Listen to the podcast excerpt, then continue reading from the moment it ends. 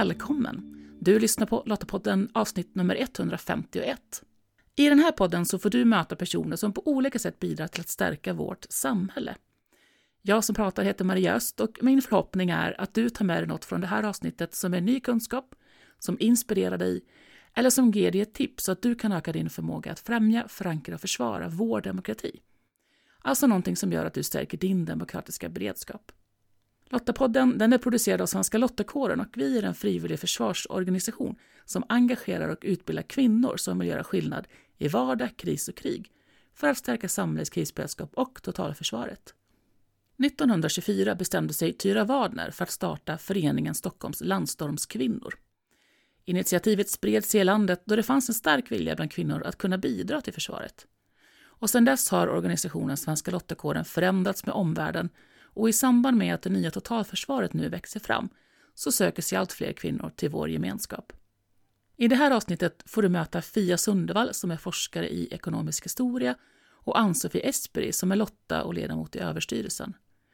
Tyvärr så finns det ett envist bakgrundsur, men jag hoppas att det inte ska störa för mycket. Häng med och hör vad Fia menar att forskningen säger om hur Lottakåren har påverkat för att öppna upp för kvinnor att tjänstgöra i Försvarsmakten och vad Ann-Sofie sett i organisationens långa historia som är extra spännande. Fia, du forskar ju en hel del kring genus i försvaret. Ja. Och har ju också forskat en del på Lottakåren och andra frivilligrörelser. Mm. Men jag tänker, när Lottakåren eh, då bildades 1924, hur såg möjligheten ut för kvinnor att vara en del av försvaret och hur har det utvecklats över tid? Till att börja med är det viktigt att komma ihåg att Eh, kvinnor har ju funnits i försvaret i många hundra år. Men när vi kommer in i 1900-talet då bedriver man ju inte de här fälttågen längre utan försvaret har en annan organisation. Och i den organisationen kunde kvinnor verka som till exempel sjuksköterskor, man kunde samla in pengar till försvaret. Men det fanns inte så mycket andra uppgifter. Det mm. fanns mm. lite sekreteraruppgifter, sömmerskor med mera. Men den här typen av uppgifter som Lottarörelsen så småningom började utföra, den, den fanns inte vid den här tidpunkten, 1924 då när mm lotterna bildas. Ursprungligen så bildas ju också lotterna med en, en framförallt finansiell inriktning. Man Precis. finansierar landstormens eh, befälsutbildning. Men man börjar också eh, lite smått att liksom, servera mat, eh, ställa upp vid olika övningar. Först säger man att det är framförallt i propagandasyfte för att väcka uppmärksamhet kring de här insamlingarna. Men märker ju att det här är ju efterfrågat och Lotta Svärd, förebilden då i Finland, jobbade ju istället. Så det började ju också Lottarörelsen i Sverige göra. Och under då de här åren som följer fram till andra världskriget så börjar man allt mer och mer visa på nya uppgifter som kvinnor skulle kunna utföra. Ibland säger Försvarsmakten okej, okay, ibland sätter de absolut stopp. Ett sådant exempel är när Lottarörelsen föreslår att de kan bli luftbevakare. Eh, stå upp i luftbevakningstornen och speja efter fiendeflyg. Det säger Försvarsmakten absolut nej till eh, 1937 och sen igen 1939. Men några år in i andra världskriget så ändrar man sig och inser att det kanske var en ganska bra idé ändå. Man mm. behövde helt enkelt frigöra män från den typen av positioner. Och det hände ju väldigt mycket väldigt fort där under andra mm. världskriget. Eh, både inom Försvarsmakten men också samhället i stort så liksom flyttar kvinnor fram sina positioner mm. inom olika typer av arbeten och verksamheter. Till skillnad från många andra länder så fortsätter kvinnorna att flytta fram sina positioner i försvaret också efter krigets slut. I många andra länder så blir det som en slags backlash, mm. alltså man försöker aktivt att trycka tillbaks kvinnorna och menar att det är ociviliserat att ha kvinnor i den här typen av positioner. Men Sverige står ju som bekant i en position där man ska försöka stärka försvaret allt mer. Man har ett jättestarkt flygvapen mm. internationellt mm. sett och ett väldigt stort behov av mer personal. Och här fyller Lotter flera funktioner. Dels funktionen då att just arbeta inom försvaret, bedriva olika typer av uppgifter helt enkelt. Men också liksom symboliska bruksvärden, att man kan peka på från Försvarsmaktens sida att vi har dels de värnpliktiga männen men vi har också ett stort antal försvarsvilliga kvinnor som ställer upp mm. då för landet. Och jag tänker att det blir lite grunden för totalförsvaret också, ja. den tanken att alla bidrar. Precis, och här, här är vi ju vid, på, vid en tidperiod där det inte finns eh, någon som helst eh, föreställning om att kvinnor skulle kunna göra värnplikt mm. heller. Utan man har ju ändå flyttat fram som sagt kvinnors positioner, idén om vad kvinnor ska kunna kan utföra för uppgifter i försvaret. Ehm, de är fortfarande till viss del begränsade. Men har på några punkter gått längre än många andra länder. Till exempel detta att lottorna vapenutbildades mm. redan under andra världskriget. Skiljer sig väldigt mycket från andra länder. Och fortsatte att vapenutbildas också mm. under kalla kriget. Mm. Och sen dröjer det till 1980 när flygvapnet öppnar upp och kvinnor äntligen på frivillig basis då kan söka och göra värnplikten. Men då med förbehållet att de behöver bli officer. Mm. Dessutom är man ganska noga med inledningsvis att det är de så kallade icke-stridande positionerna som ska öppnas mm. först. Och det här ställde till det lite i utredningen som skulle förbereda det här öppnandet därför att det fanns inte en väldigt tydlig uppdelning i Sverige på stridande och icke-stridande. Tvärtom så pratade man från Försvarsmaktens sida att i det totala försvaret och det totala kriget så måste alla liksom, eh, officers och soldatfunktioner vara stridande av automatik. Mm. Mm. Men de fick hitta på någon slags liksom, tillfällig lösning där marktjänsterna då i flygvapnet öppnar 1980. Men då är det som du sa att det, man gör värnplikten, värnpliktsutbildningen på frivillig basis och sen måste man då gå vidare mm. till officersprogrammet. Mm. Eh, mm. Och det upphör först på 90-talet. Då blir det möjligt för kvinnor att bara göra den militära grundutbildningen och sen då eventuellt lämna försvaret. Och sen är det först eh, 2010 när värnplikten läggs vilande som man samtidigt då gör den könsneutral. Och så går det några år, omvärlden förändras och så startar vi värnplikten igen. Mm. Och 2018 rycker de första kvinnorna och männen in på samma villkor. Ja, och 2010 är ju lite intressant för att när man tar det här beslutet så är ju frågan om könsneutral värnplikt helt i skymundan. Det mm. centrala är ju att värnplikten ska avskaffas, mm. man säger då, även om det i praktiken då blev vilande.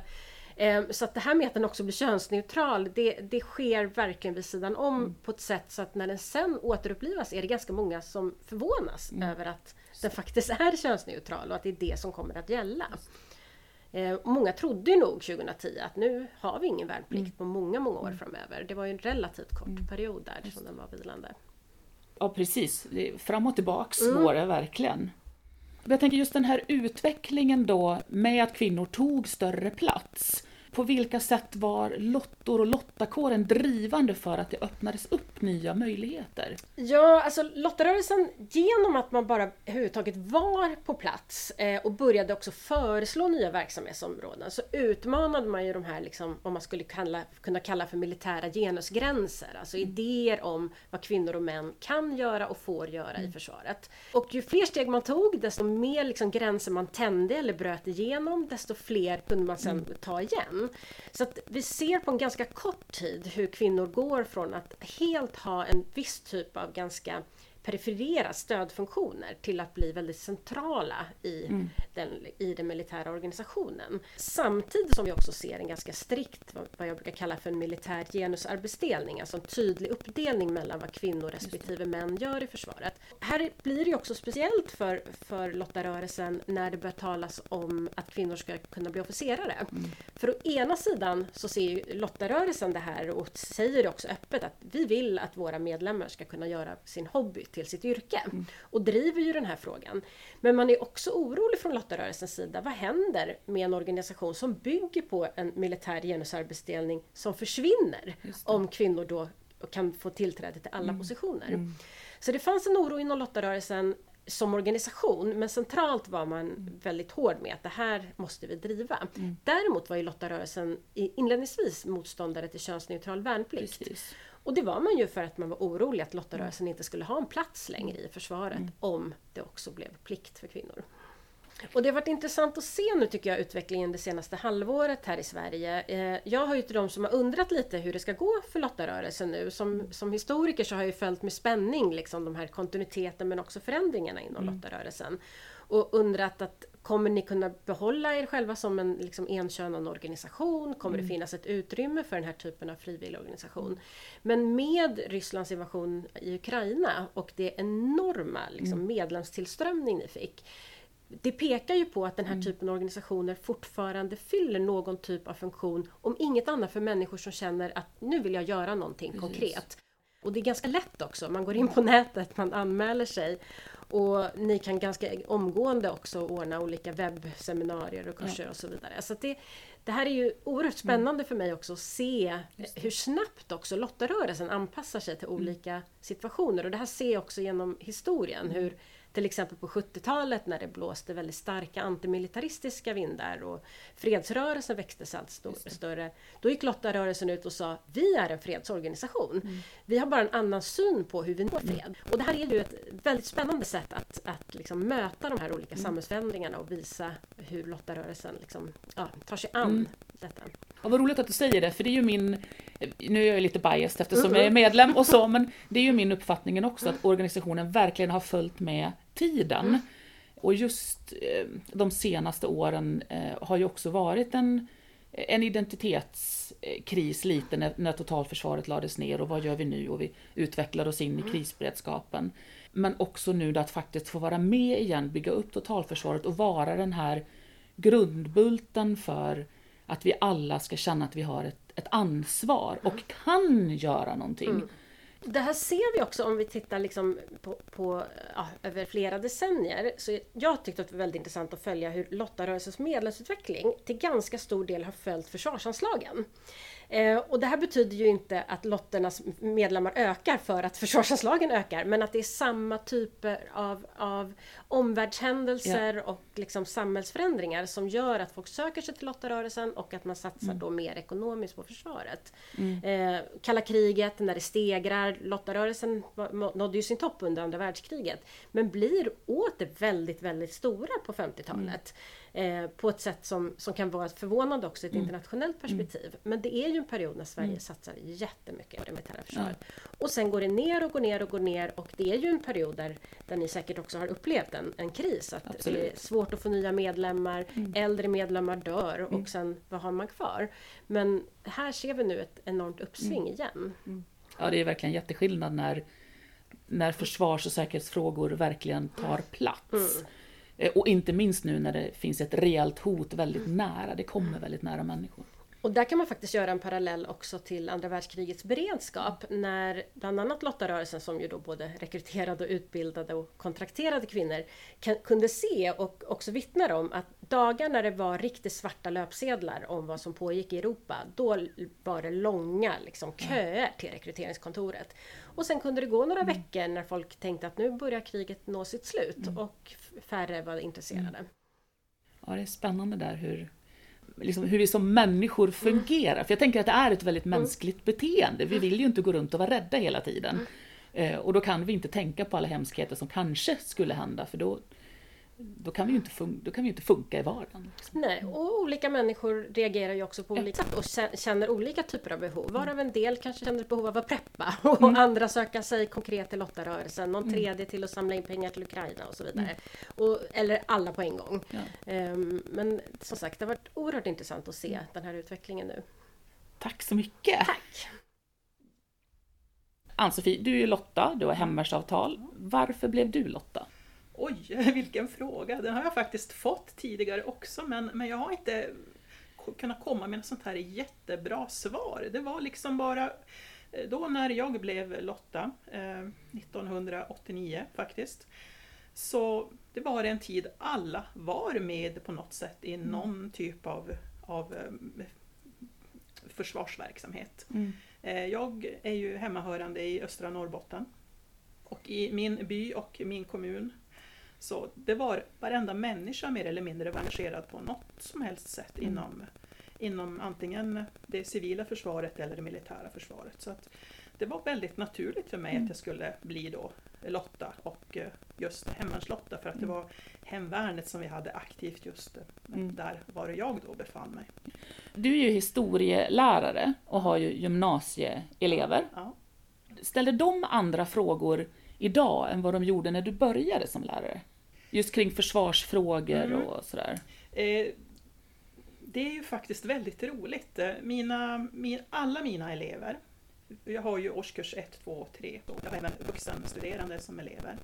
Alla de vet ju att jag har mitt gröna engagemang och alltihopa det där. Mm. Så att eh, de är jätteintresserade jag lägger ju självklart in i avsnitt som vi jobbar med så här där det passar, så lägger jag ju in självklart de här bitarna också, framförallt i samhällskunskapen Mm. men också i, i historien. Mm. Så, som är väldigt uppskattat att de, de vill, de är intresserade och vill Mm. ha koll sådär. Vi har ju Försvarsmaktens skolinformatörer kommer ju också och gör besök varje år. Mm. Och där är jag ju också med på ett hörn och, och fyller på för att skolinformatörerna de är ju väldigt dåliga på att informera om frivilligrörelserna och hemvärnet utan det är som bara Försvarsmakten Mm. så inför mönstring som de Mm. har koll på och prata om. Så att jag brukar komplettera där. Mm. Och när mina elever då åker iväg på, på mönstring och så, de håller på att skriva sitt mönstringsunderlag så har de ju många gånger frågor som de kommer till mig med. De står Mm. bakom mitt eh, arbetsrumsdörr där och liksom ja, ja, hur ska jag göra nu? Hur ska jag tänka nu? Hur ska jag liksom så här? Så att de är jätteintresserade Mm. faktiskt. Och när de kommer tillbaka från att ha varit på mönstringen också så kommer de samman. Ja, ja nu blir det så här. Oh, oh, oh, oh, de säger att jag ska hamna där. Ja, men ja, mm, okej. Mm. Så, så att de är verkligen mera, mycket mer intresserade nu än vad har varit tidigare. Och Ja, framförallt nu med hur, hur det ser ut situationen nere i Ja. Europa också har Ja. gjort sitt. Lottakåren börjar ju närma sig sitt hundrade år. Mm. Och du är ju en av de lotter som nu under några år har hållit på och sammanställt vår historia just inför 100-årsjubileet. Ja. Vad är det för någonting där som du har hittat som liksom säger åh nej men det där hade jag ingen aning om eller men det där var ju extra spännande. Oj, alltså det är jättesvårt att kunna säga någon väldigt, ja, någon specifik sak eftersom att vi har ju snart 100 år på nacken och det är ju så otroligt, otroligt många saker som lotterna ändå har bidragit till för det svenska samhället på många olika sätt. Så att det är jättesvårt att urskilja någon speciell händelse för att alla de här fantastiska kvinnorna som har varit med i vår organisation har ju bidragit på sitt sätt med någonting. Det som de allra flesta människor vet om när man pratar lottorna eller man hör talas om lottorna, det är ju de stora insatserna som gjordes under beredskapsåren. Mm. Och det, det är kanske det som är mest känt.